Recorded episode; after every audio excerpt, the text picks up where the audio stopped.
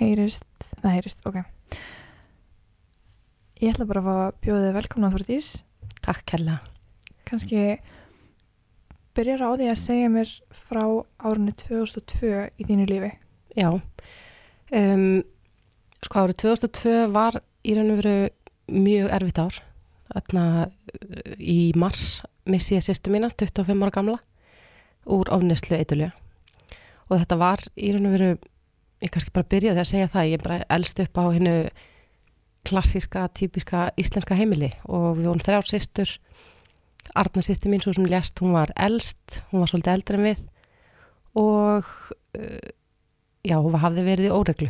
En við ölumst upp við nákvæmlega sömu kringumstæðir og með sömu fóreldra sem að veit okkur mikla aðtegli alúð og já, en svo gerist þetta. Og það var auðvitað mjög mikið áfall fyrir alla í fjölskyldinni og þá kannski byrjar ferli hjá mér sem að er ennþá einhvern veginn í gangi ég er kannski fyrst að takast á við núna. Og það er þetta að bæla niður tilfinningar að leifa sorgin ekki að koma upp á yfirborðið og einhvern veginn reyna að afskrifa missin og ég gleymiði aldrei, ég var, var, ég var 14 ára þetta gerist. Og já, ég meina allir sögðu við mig sífælt Þórtís, þú ert svo sterk. Aðrir í fjölskyldunum minni bröðast öðruvísi við, voru kannski meira að díla við sorgina. En ég bara fór áfram að nefanum mm -hmm. og hef einhvern veginn alltaf gert það. En svo sagt innan við ári eftir þetta gerist þá er ég tíundabekk þá verði ég ófrísk. Og ég held að hafi uh, ég held ég hafi verið í mjög mikill afneitun fyrstum sinn Mm og ég man eftir að ég sko vildi, ég, ég fann eitthvað skrítið. Ég vissi ekki hvað það var. -hmm. og, en ég gat ekki ímynda mér að leggja það á fjölskylduna mína sem var í þessu sorgaferli innan við ári eftir að, að sýsti mín lest að segja þeim frá þessu. Og þannig í raun og veru kemur það ekki upp á yfirborð þegar ég sé ófrísk fyrir mér frekar langt gengin. En svo loksins bara á ég já, indislegar vinkonur og, um, og þær eru nú íttu mér út í það. Og mamma einnar þeirra ítti mér svolítið út í það að taka ólitt próf sem ég gerði. Og þá kemur ljósa ég rófrisk og þá náttúrulega fer bara ferð líka áng en það sem er svo merkilegt við þetta að það er svo mikil skömm yfir því þegar að úlingar eignast börn. Mm -hmm. ég meina, ég var 15 ára og í þessu sorgarferðli eftir að sýsti mín deyr og ég var einhvern bara að hugsa um að vernda aðra Einmitt. Ég vil ekki hugsa um þig heldur bara að bjarga öllum hinnum já, ég vildi ekki leggja þetta á fóreldra mína, á systur mína á bara alla í kringum mig að þurfa að díla við eitthvað slíkt mm -hmm. en ég allavega bara kemst að ég er ófrísk um, er komin í það hugarfar að ég sé bara að verða móðir mjög ung. Og það er ekki endir alheimsins að, að eignast barn ungur alls Nei. ekki, en auðvitað breytast forsendurnar í lífi mann svolítið þegar maður er í tíundabæknu eignast barn og ég var búin að sækja um að fara í versló og ég var bara einhvern veginn búin að sjá lífi fyrir mér en eh, það kollvarpaðist svolítið. En ég man að ég klifta á mér hárið frekar stutt, mér fannst það svona merkjum að ég væri að verða fullorinn ég Já, var ekki lengur með hár alveg lengst nýra bak heldur var ég alltaf komið með axlasíkt hár og byrjaði svolítið að klæða með öðruvísi. Mér fannst það eðlilegt þeim tíma að fyrst ég væri að verða móðir þá skildi ég nú vera einhvern veginn öðruvísi heldur en ég var. Já, svona tilbúin að setja í hlutverkið bara Já. fullkomlega. Algjörlega. Og auðvitað var þetta mikið áfall fyrir fjölskylduna samt sem áður að bara já það er að koma barn inn í fjölskylduna. En svo gerist það þegar ég fer í, í 20 vikna uh, skoðun að læknarnir sjá eitthvað óeðlilegt. Og ég man mjög óljóst eftir þessu öllu. Og þarna en þeir segir henni veru bara við þurfum að fá álit frá öðrum lækni. Og við tekur einhver byð sem var, ég veit ekki hversu langu tími. En þá kemur ljósa að, að var mjög alvarlegu miðtökjæru skalli í barninu.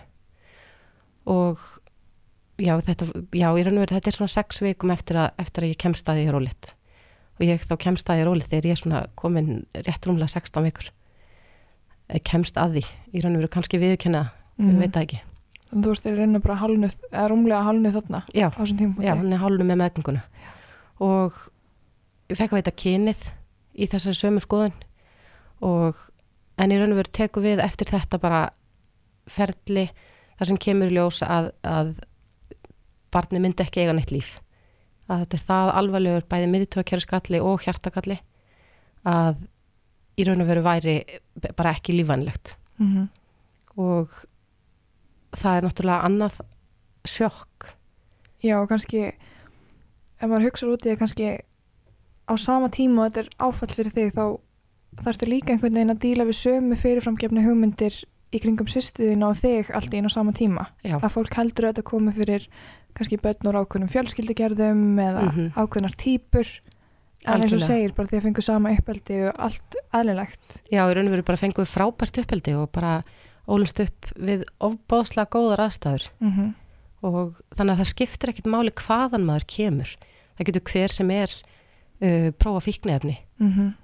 og bara orðið háður þeim þú veist, þetta er, þetta er ekki fyrirfram gefið að þú þurfir að koma úr einhverjum x aðstæðum til þess að geta orðið fíkil til dæmis, Nei, eða það bara geta orðið ófrískur, ég minna líffræðilega sem getur geta nánast hver sem er eignast barn einmitt. En hvað hva tekur svo við þarna þegar þú farið að vita af þessum galla? þá í raun og veru þarf þetta að uh, mitt mál að fara fyrir nefnd sem að og veru samþykir að, að það er framkvæmt fósturlát um, bara vegna þess að, að, að það er ekki hægt að í raun og veru þá, þá hefði ég kannski þetta klára meðgönguna, ég, ég veit það í raun og veru ekki en það, það var mín ákvörðun náttúrulega í samræði við fóreldra mína sem stuttu mig alveg óhyggað og fjölskylda mín í gegnum þetta allt saman. En það var einu tekið svo ákvörðun að það erði framkvæmt fósturlát út af því að það var ekki lífvænlegt og þetta var það alvarlegur e, fósturkalli og þá fer ég upp á sjúkrós og þar er eh, svona bara er ég sett af stað. Og já, ég man í raun og veru valla eftir þessu. Um, en ég hef mikið talað um þetta við fjölskylduna mína og ég var alveg upp á sjúkrós í þrjá daga og þurfti að fæða barni um, og síðan eftir þetta, ég meni ég er hann í þrjá daga sem ég man ekki eftir Mm. bara ég man eiginlega ekki eftir einn einstu sekund þar. En hef heyrt bara mamma mín var með mér allan tíman sýsti mín heimsóttu mig og, og pappi minn og þetta var, við vorum öll fjölskyldan saman í þessu. En bara um leiðu ég geng út á spítalunum þá bara loka ég. Mm. alfarið. Þannig að ég bara neita að tala um þetta. Ég vildi ekki tala um þetta. Og svo bara hélt, mætti ég bara skólan bara kláraði tíundabekkin og já, einhvern veginn lífi hélt áfram. Fórst, fórst kannski í svona sama svona hörku gýrin og eftir að sýsti einn já, algjörlega, ég ætlaði bara að taka þetta á hnefanum. Já, og það sem er svo merkilt við þetta ég, einhvern veginn, auðvitað var ég niður brotin að innan. Mm þetta var svo mikið áfall. Og sérstaklega svona í ljósi þess að auðvitað var þetta óvænt.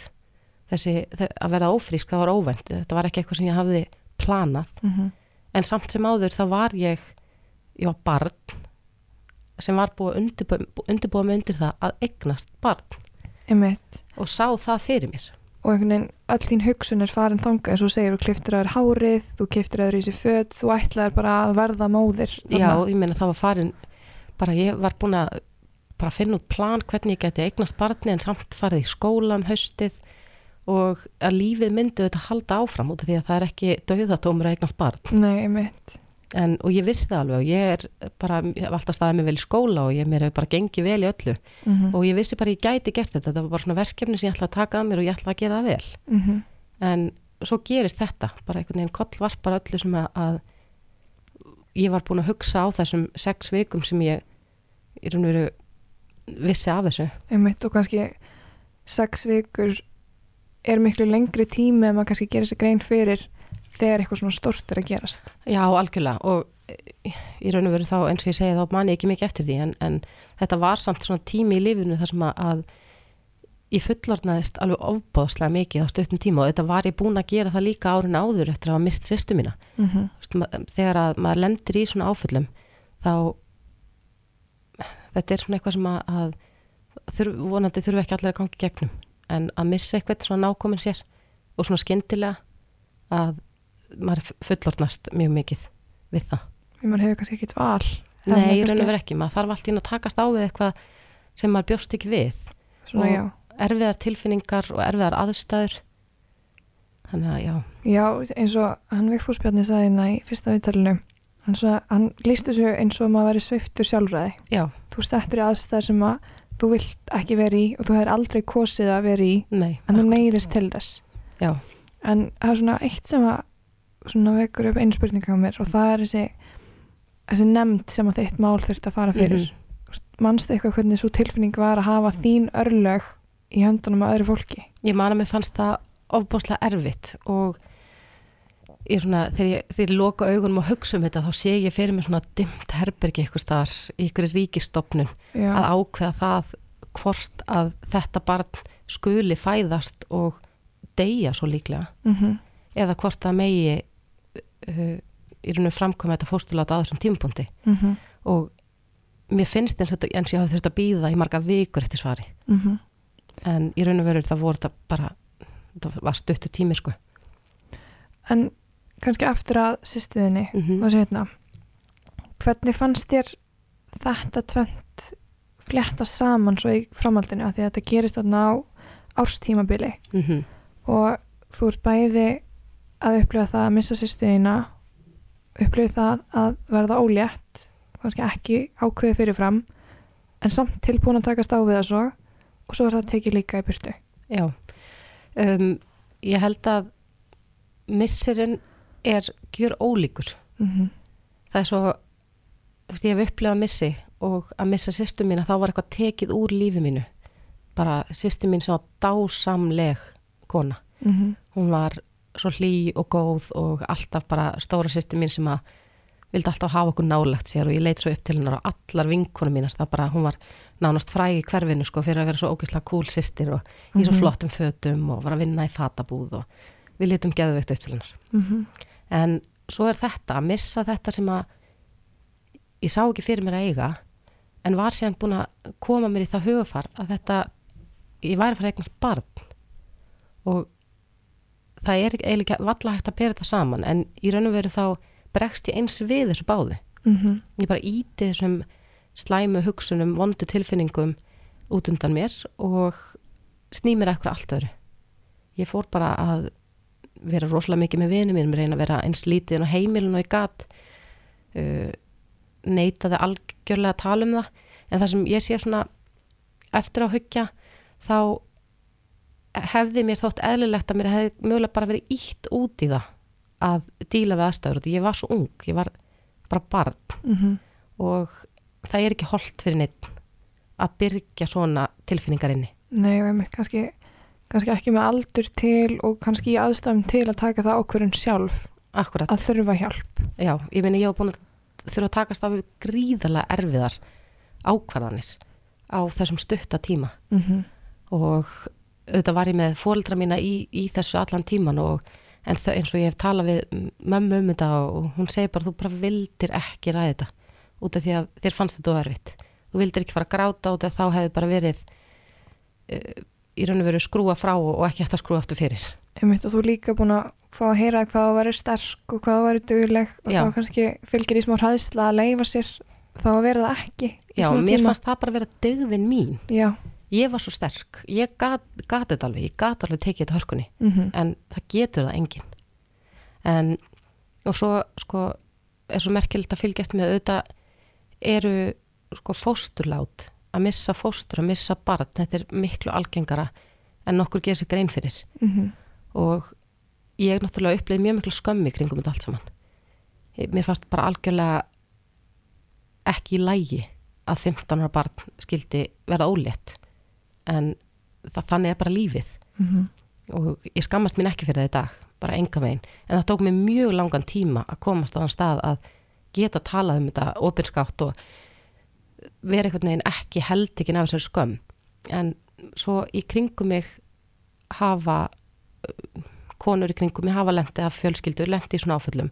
Og þá fannst mér einhvern veginn eins og mín sorg ætti ekki jafn mikið rétt á sér eins og þeirra sorg, ég meina ef það er fjölskylda að, eða fóru þessast par að eignast barn búin að reyna í langan tíma eða eitthvað eignast svo andvana barn eða missi barn eftir langan tíma mm eða sérst eftir, eftir margar vikur á meðgöngu að þá fannst mér einhvern veginn, já, mitt er samt ekki sambarilegt. eins og verður kannski meira tekið frá þeim en þér Já, en sem er ekkit rétt. Meina, þetta er sami missirinn, sama hvað. Og það tók mér óslega langa tíma að, að komast á þann stað að bara átta mig á því hversu mikill missir þetta var fyrir mig. mm Þannig að, að já, og ég er bara búin að vera að vinna mikið í því með sjálfur mér og með sálfræðingum að bara átta mig á því þetta var mikill missir -hmm. og líf mitt breyttist á öskot stundu þegar ég þurfti að fæða barnið og, og það var eiginlega ekki fyrir að ég á tvö börn sjálf núna í dag um, það var eiginlega ekki fyrir en ég verð sko ófrísk aftur að þetta heldist svona yfir mig. Þetta Mhm. bara, ég þarf að vita. Ég þarf að muna meira. Ég þarf að bara díla við allar þessar tilfinningar. En fannstu fyrir einhverju hræðslu þá þegar þú var svo ólétt af eldri dóttiðinni? Já, í raun og veru, þá þarna ég kannski gaggrinda aðeins heilbriðskerfið Mm -hmm. af því að ég var í það er náttúrulega svo kallið mæðravernd sem allar konur fara í á heilsugjastlunni og ég fer til ljósmóður og hitti hana í fyrsta skipti og þá fyrsta spurningin bara hefur verið ófrísk áður? Og ég svara játandi. Og hún segir já og hvað gerðist? Og ég sagði þetta var árið 2003 ég var 15 ára en ég get ekki sagt þér hvað amaði að. En þetta endaði þannig að, að það var uh, bara framkvæmt fóstur eirunur fóstrið fættist ekki. Mm -hmm. Og um, og þá segir hún bara ok, skrifar eitthvað í eitthvað svona litla skýrslu og svo bara heldur þetta áfram. Og ég held áfram og hún mælir mig og, og svo eignast ég dóttu mína. Og mér, það trublaði mig alltaf svolítið að ég sagði henni frá aðstæðum. Mm -hmm. ég sagði ég var 15 ára, ég man þetta ekki. Sko, ég er búin að blokka þessar, þessar minningar. En það var ekkit kannað neitt frekar. Einmitt.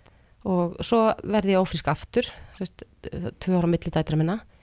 Og þá í raun og veru hef ég samband við læknin sem hafði uh, verið með mig upp á, á sjúkrahósi árið 2003 og ég sendi henni bara tölvupost og ég segi heyrðu, ég um, er, a, er ófrísk og ég vil vita hvað gerðist. Sérst, nákvæmlega, ég vil bara hafa upplýsingar um það hvaða fósturgalli þetta var uh, gætur hitt mig? Og þá fer ég niður á sjúkrahós og hitti hana eppu og þar sem að hún bara fer yfir skýrsluna algjörlega frá að til við með mér. Og ég skrifa hjá mér og þá er hún verið, ég held alltaf bara að þetta væri miðtöðakerfiskalli en þá kemur ljós líka mjög alvarlegur fóst, nei, sem sagt, hjartakalli sem ég vissi bara ekki af. Mm og mér þess að mamma mín vissi ekki á hann heldur þegar ég talaði um þetta við hana síðar. Og í raun og veru þá hefði ég átt að fara í hjartaómun á eldri dóttu minni Já. og að þetta er eitthvað sem getur gerst aftur og þá var ég svona pínur reið að bara, mér fannst ekki tekið nóg mikið utan um mig þegar ég hef búin að útskýra aðstæður að ég Mhm. hafi, þetta hafi gerst ég var barn en samt einhvern veginn er ekki aðtúað eitt eða neitt Nei, og ekkert kannski rætta neitt frekar eins og segir, bara haldið áfram Já. algjörlega, En eins en og sem segir, betur fyrir dætur mín að báða mjög heilbriðar en ég Já. fer sem sagt í hjartaómun á yngri dóttu minni, þannig að þú vissir það á þeim tíma alveg, Já. að það þurfti En eins og segir að þú hefur svona svolítið kannski ítt þessu undan þér Mhm. og ætlaði bara að fara áfram að hörkunni. Hvenær er það sem að þú fattar, heyrði ég þarf kannski að gera þetta eins upp við sjálfa mig? Já, sko, um, ég var alltaf, ég vissi það svo sem alltaf að ég þyrsti, þetta væri eitthvað sem ég þyrsti að gera, að, að gera þetta upp. Mm -hmm. En sérst fyrir rúma ári síðan þá lést pappi minn úr krabba minni og, og þá var það magna að ég var að hlusta á, á þegar Vigfúsbjarni var, að hann talaði um að, að þegar að, eitt áfall einhvern veginn ífi upp það gömlu. Mm og það gerðist raun og verið þar pappi dó. Þá hugsaði ég bara nefnist að núna er bara minn mælir fullur. Ég get ekki, ég get ekki ítt þessu andláti til hliðar og þessu missi. -hmm. og fór það bara í mjög mikla vinnu með, með sálfræðingi í að, að bara ræða þessa hluti, að reyna að díla við þá og meðal annars opna með hans um þetta. Ég hafði valla rætt það að ég hefði mist barn Mm -hmm. bara fyrir en nánast í fyrra. Og núna bara í þessari vikur liðin átján ásján þetta gerðist.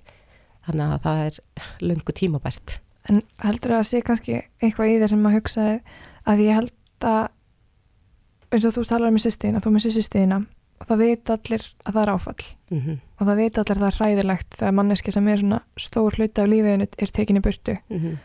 en þannig er þetta að missa eitthvað sem þú hefðir átt að fá en fegst ekki. Þú var það einhver, einhver svona í þér, einhverju fordómar eða eitthvað gaggast þinni eigin sorg að meiga sirkja? já, algjörlega. Það er bara nákvæmlega það sem ég upplýði í raun og veru, bara að mér fannst þess að ég var í raun og veru ekki að missa neitt út af þetta var ekki eitthvað, eitthvað sem ég sá fyrir mér en, en og svo gerist þetta og ég fann það svolítið í kringum mig þetta sko, aðstandendu mínir bara bæði vinir og ættingjar og allt hafa kannski ég veit ekki, núna er ég bara að tala út frá eigin reynslu Mm -hmm. en hvort þetta hafi verið bara fyrir hennu besta að ég þurfti í raun og veru líf mitt raskaðist ekki með því að eignast barn heldur hvað ég bara haldið áfram mentavegin og gert hitt og þetta Bara fara þess að hefbundu leið einhvern veginn áfram. og út af því að þetta var náttúrulega áfall að verða ólétt en svo er þetta tekið frá mér en ég upplifði ekki neitt létti þetta var Nei. ekki léttir fyrir mig að, að, að þurfi ekki að díla við þetta Einmitt, einhvern veginn, kannski einhverju sem hafa litað á þetta sem eitthvað skona láni óláni eða eitthvað svo leiðis. já og ég, menn, þegar ég hugsa tilbaka þú veist,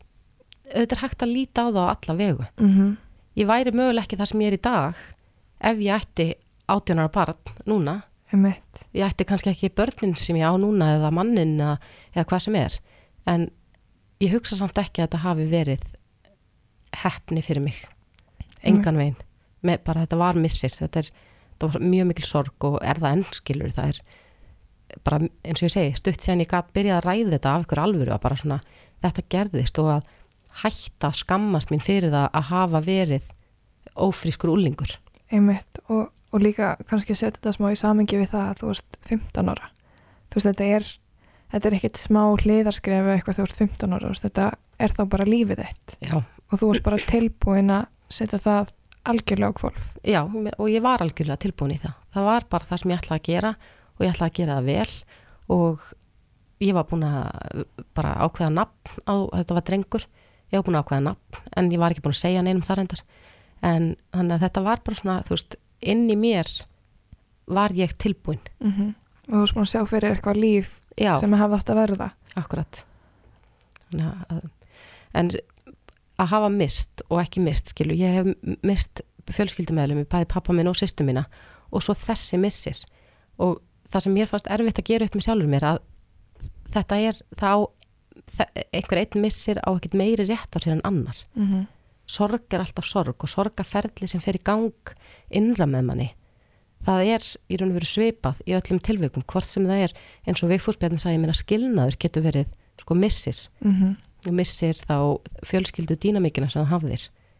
Og þannig að og líka það er kannski það sem að mér finnst svolítið svona kunnulegt stefur að fólk er svo fljótt tilbúið að draga úr sínu sínu missi. Mm að því einmitt þú ferði í eitthvað svona hugur ástand og þú ert að díla við eitthvað rosalega erfitt og þú vilt ekki gera, gera þig að meiri byrði en þú þarft. Algjörlega. Og það er, þú veist, ég kannast mjög vel við þetta. Mér fannst kannski að einhver leiti gott að vera svona sterk mm -hmm. en, en það er ekki gott fyrir mig það er eiginlega bara gott fyrir aðra. Já, þú ert einhvern veginn að hlýfa allum hinum já, en ekki sjálfur þér. Já, og líka þú fara að heyra kannski og sért sterk og dugleg og, og þá einhvern veginn mingar algjörlega þetta sveigurum fyrir þig að vera það ekki. Já og þetta náttúrulega bara mótaði sjálfsmynd mína mjög að vera úlingur og, og lenda í sko, ítrekkum áföllum á úlingsárum á þessum mótandi árum og fá alltaf að heyra, þú ert svo sterk, þú ert svo dugleg mm -hmm. þú getur allt. Að, en kannski langaði mig ekkert að vera svona sterk. Nei, en hann var þetta orðin einhver svona degð fyrir þig já, sem þú vildir ekki sleppa að þú vildi kannski ekki valda vombriðum já, algjörlega. Og líka bara, veist, þegar þetta gerist þegar ég verða ófrísk þá er einhvern veginn öll fjölskyldan bara í lamasessi. Mm -hmm. nú þegar. Veist, við vorum öll ennþá þetta og mikið áfall fyrir fjölskylduna. Og, og svo bætist þetta einhvern veginn ofan á og þá var ég rosalega mikið að passa maður hérna að hlýfa fjölskyldunum minni. En það var auðvöldra fyrir alla hinna Já, og sko sýsti mín, hún Arna, hún uh, á dóttur sem er núna 25 ára þannig að, við, við vorum líka bara að hugsa um að passa hana. Hún var 8 ára þegar Mhm. mamma hennar deyr. Og hennar fjölskylda í raun og veru bara hreinur missir mömmu sína og býr hjá okkur og er bara sýstir mín skil ég tala um hann sem sýstir mína. Mm þannig að vorum, ég var mi- mikið líka að hugsa um hana. Þetta var já, einhvern veginn að hugsa um aðra en ekki sjálf á mig. Sem að ég held að sé svolítið algengt einhvern veginn að þú vilt þú vilt passa upp allir kringum þig en gleymi kannski sjálfur þér. Já, en, en núna segir þú að þú hafi svolítið þurft að gera þetta upp þegar pappiðin deyr mm á síðast ári. Var það erfitt fyrir þig í ljósið þess að þú ert búin að heyra það svo, svo sterk og svo dugleg og allt búið að ganga vel fram að þessu? Þannig að náttúrulega bara allir í kringum þig sem þekki þig kannski trúa því ekki og sérst að burðast með eitthvað. Akkurat. Þannig að bara komið tvö börn og mann og í vinnu og, og allt svona samkvæmt plani já, þannig séð. Var eitthvað erfitt veist, fyrir þig að leifa þér að fara tilbaka þessi 17 ár aftur í tíman og segja bara, heyrðu, þetta er eitthvað sem er löngu búið gert en núna þarf ég að takast á það. Sko já, það er ótrúlega erfitt að grafa í gömlum sárum. Mm -hmm. og það sem mér hefur kannski þótt einna erfiðast er að ég held að heilin á manni fari í svona varnarmót Mm um, og þess vegna man ég ofbásla lítið. Í raun og veru bara man ég mjög lítið eftir úlingsárunum mínum bara í heildsinni -hmm. og sem er bara magnað að hugsa til þess að, að þetta er bara heilin minn að vernda mig. Út af því að ég var kannski ekki tilbúin að takast á við það. En þannig að núna er ég að vinna í því að sko grafa upp það sem ég man ekki.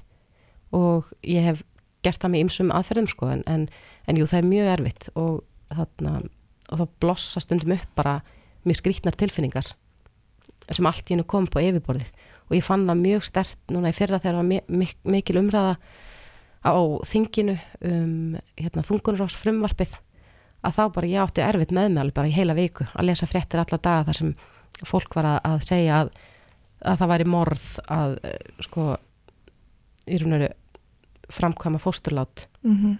á svona langt þegar konur eru gengna svona langt Einmitt. en ég hugsa bara hvaða, hvaða valir hann verið hafði ég á þessum tímpúndi og hvers vegna er það ekki í höndum sko mæðrana hvennana sjálfra að ákveða með svona lagð Einmitt, þetta er þeirra líf og þeirra ákvörðun og, og hérna og maður sá að þetta var í rauninni ef ég á að tala alveg eins og er þetta kom mér á óvart hvað var mikið heiti í þessar umræði mm -hmm. að því maður, við ungar konur einhvern veginn, við sjáum þetta ekki öðruvísi en okkar sjálfs ákvörðunar rétt já, að fá sjá fá þá að sjá allir þessi umærlegum að það sé morð og það sé ljótt og einhvern veginn að gera það þannig að þú sérst að gera eitthvað gjörsamlega rámt já, og ósiðfyrirlegt akkurat Hanna, en finnst þér einhvern veginn finnst þér umræðan búin að breytast í dag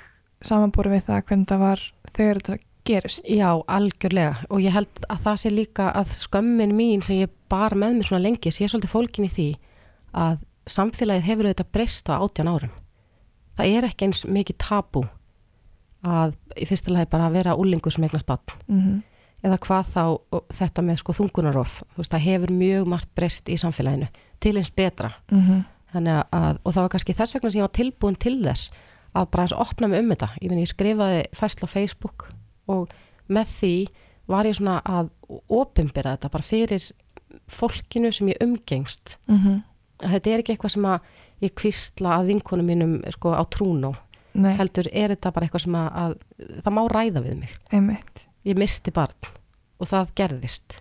Og Já. ég vil að þetta sé upp á yfirborinu og ég átti sko samtal við sálfræðingi minn um, áður en ég gerði þessa fæsluta það búið að blundi í mig lengi að mér langaði að svona eh, bara ítis upp á yfirborið gagvart öllum.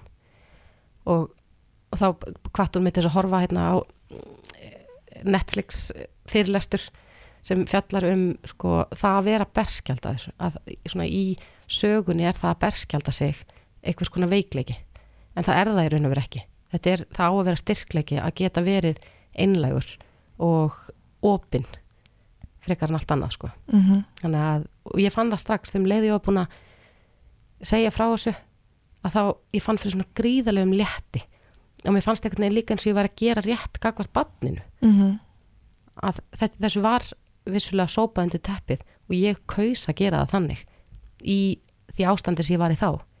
En eh, þetta er ekki lengur eitthvað sem að, að má ekki ræða einmitt og núna ertu bara búin að koma fram og segja bara að þetta er hluti af mér. Já, og einhvern veginn minni sögu. Þetta er algjörlega hluta minni sögu þetta er líklegast bara það sem hefur mótað mig mest í lífinu sko.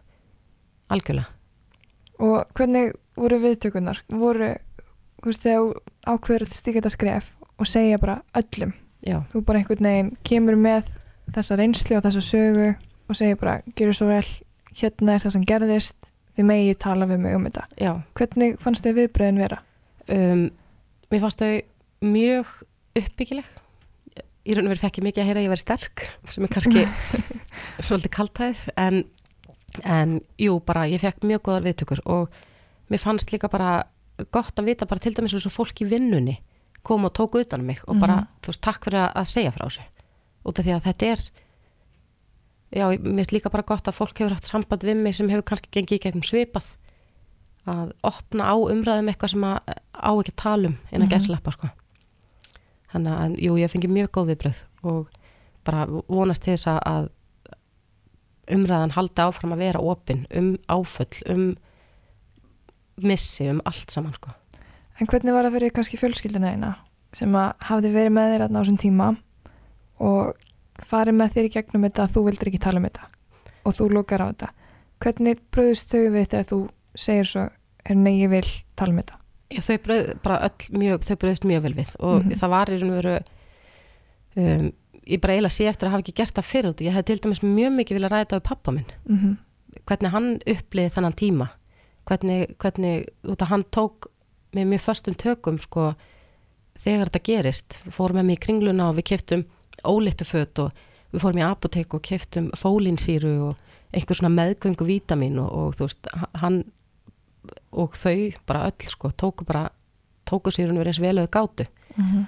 en mér varst fjölskylda mín kannski finna fyrir einhverjum létti að loksins væri þetta ekki lengur eitthvað sem að þeirtir svona kvistla um. Mm og sko stjúpmamma mín hefur sagt að er svo skrítið í fjölskyldu eins og okkar þar sem hafa verið erfið áföll að það má tala um allt en ekki þetta. Mm þetta verið eitthvað verið eitthvað svona sem að máttu aldrei ræða. En ég gerir mér samt alveg grein fyrir því að það var í raun og veru ég sem að orsakaði það að þetta yrði þannig út. Ég bara gat ekki og vildi ekki ræða um þetta. En ég hefði kannski viljað að, að, mér, að það veri ítt meir á mig. -hmm. Út af því að það er bara það er ekki gerlegt fyrir manneskuna að bera svona sorg einn inn í sér. Það, og líka kannski þú veist, þessi, þú ert að upplega svo, svona vítt svið af tilfinningum í gegnum tvo missi á svo stuttum tíma.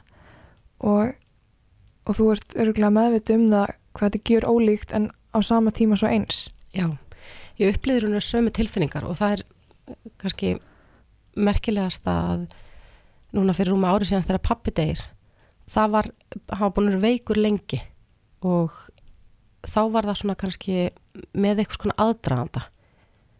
Og ég var kannski búin að undirbúa með einhver leiti en, en það er ekki hægt að undirbúa sig undir svona missi það er fyrir svona missi, það er bara ekki hægt. En í raun og veru þá blossa upp sömu tilfinningarnar. Bæði þegar ég sko þegar sýsti mín deyr þegar ég missi þetta barn og svo 17 árum síðar þegar pappi deyr að það gerist það sama hjá mér. Ég fann strax að mér langaði sko instinkt eða bara svona innsæði mitt sagði mér já, lokaðu. Mm -hmm.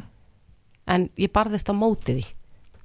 Ég vildi ekki sópa þessu áfalli þessu missi líka undir teppið og bara bæta í þetta kraðak sem var inn í mér skilur einhvern veginn að leggja bara ofan á það. Já, en þannig að ég raun og veru að gera það að verkum að bara tók til í sjálfri mér skilur, það þarf oft að bara horfa innan við mm -hmm. til þess að, bara geta haldið áfram þannig að, að þetta er mörg mismunandi áföll en hins vegar þá er nöðsynlegt að takast á við þau og þeirri vinnu líkurinn verður aldrei ég get ekki sagt núna að ég sé búin að gera upp eh, allt sem, allt sem gerst hefur mm og það er held ég bara ekki hægt sko. Nei og það, það er kannski líka sem að mig langar svo mikið að komast til skila að fólk sem að kannski þekkir þetta ekki að vel átti sig á því að þetta er ekki eitthvað sem fer.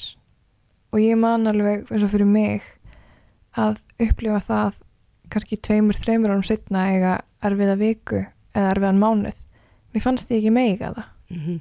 og þess vegna fannst mér svo merkilegt að þú tekur þessu ákvörðun mörgum árum setna að segja bara ég þarf að takast á við þetta. Já, nú þarf ég bara að leifa mér að fá smá sveigrum til þess að tækla þetta sem gerðist fyrir svo lengum tíma síðan. Akkurat. Það er bara sko það er náttúrulega til margar leiðir líka til þess að díla við, það er engin ein rétt leið fyrir fólk að takast á við missi í lífisinu maður þarf svolítið að finna sem takt. Ég til dæmis komst að því núna að, að það að reyfa mig bara gerir bara undur fyrir mig og það er einn liður í þessari vinnu að finna leiðir til þess að, láta sér líða vel að vera ekki sko hausuna mér gætt farið á mjög dimma staði þegar ég mér leið hvað verst. Mm -hmm. og þa- það er og veru bara, bara er óhjákvæmilegt held ég að, að maður, manni líður auðvitað ekki vel. En, og það að tala um hlutina að geta sko í fyrsta lagi bara átt vini og fjölskyldu sem maður getur treyst á það hefur hjálpað mér rosalega mikið á dásamlega fjölskyldu og yndislega vini sem ég get alltaf rætt allt við. En svo fer, fer þessi meðvirkni í gang og þá fannst mér nei, veist, ég get ekki verið að dempa þessu öll á, á mitt fólk. Þannig að ég hef verið að hitta sálfræng og það finnst mér bara alveg frábært. Frábær leið til þess að vera ekki að kannski íþingja öðrum heldur kannski einhverjum óháðum. Einmitt og kannski einhvern sem að ber enga skildu gagvart þér nema að hjálpa þér. Já, akkurat, skiptir enga máli hvaða leiðir manneskjan fer, hún, hún þarf ekki að óttast að móðga þig eða segja eitthvað sem að þér líkar illa við. Hennar eina hlutverk er að gera það sem er rétt fyrir þig. Já, akkurat. En svona kannski að lókum þegar að þú lítur tilbaka hvað hafður vilja vita kannski á þessum tíma sem þú veist í dag? Um, ég hefði raun og bara viljað að umræðan væri opnari ef ég hefði geta gengið frá þessu missi og talað um hlutina sko í fyrsta lagi fannst mér erfitt að gera það en í öðru lagi fannst mér eins og ég mætti það kannski ekki. Þannig að, að ég held að, að bara það eitt að geta rætt hlutina að það sé ekki fordómar gagvart því að, að eignast barn ungur. Eða, og ég hef líka oft upplöðað eins og þegar að sýsti mín dó eins og mögulega væri súsorg og sámissir ekki að mikill fyrir mig út af því að hún kom sér í þessar aðstæður sjálf. Menn hún var fíkill en það breytir því samt ekki að missirinn er alveg jafn mikill. Og þessi, það að missa pappa minn var ekki meiri eða minni missir heldur en að missa sýstur mína þó að aðstæðunar hafa verið gjör ólíkar mm -hmm. og já, ég held að ég hefði bara viljað að kannski vita það að það sé hægt að ræða hlutina. Og að fólk er almennt bara mjög gott og ekki með fordóma þó að það vissulega leynist inn á milli einhverjir sem að er ekki sömu skoðunar. Þannig að já, ég held að það sé svona það sem ég tek út úr þessu. Og eitthvað sem maður myndir aðleika öðrum í sömu stöðu? Leita sér hjálpar bara með hvaða leiðum sem er. Bara tala við einhvern og ef ég hugsa kannski út frá því að hafa verið 15 ára ófrísk, ófríst barn nánast að það hefði mér þótt uh, eðlilegt að einhvern veginn að heilbriðiskerfi hefði mögulega tekið aðeins tekið með aðeins fastari tökum eftir þetta. Að, að þar hefði ég fengið í rauninu kannski verið þvinguð í einhvers konar samtalsmeðferð eða einhverja umræðu um þetta í staðin fyrir að ég bara útskrifuð og í raun og veru vissi ég ekki einu svona fyrir en einhverju setna hvað hefði bara orðið um líkamsleifar hans. Mm -hmm. Vist, út af því að ég var svo ung og því ég var barn þá er tekið öðruvísi á mér heldur en, heldur en kannski foreldrum sem að, að missa barn. Einmitt. Það er kannski einhver aðra meðferð.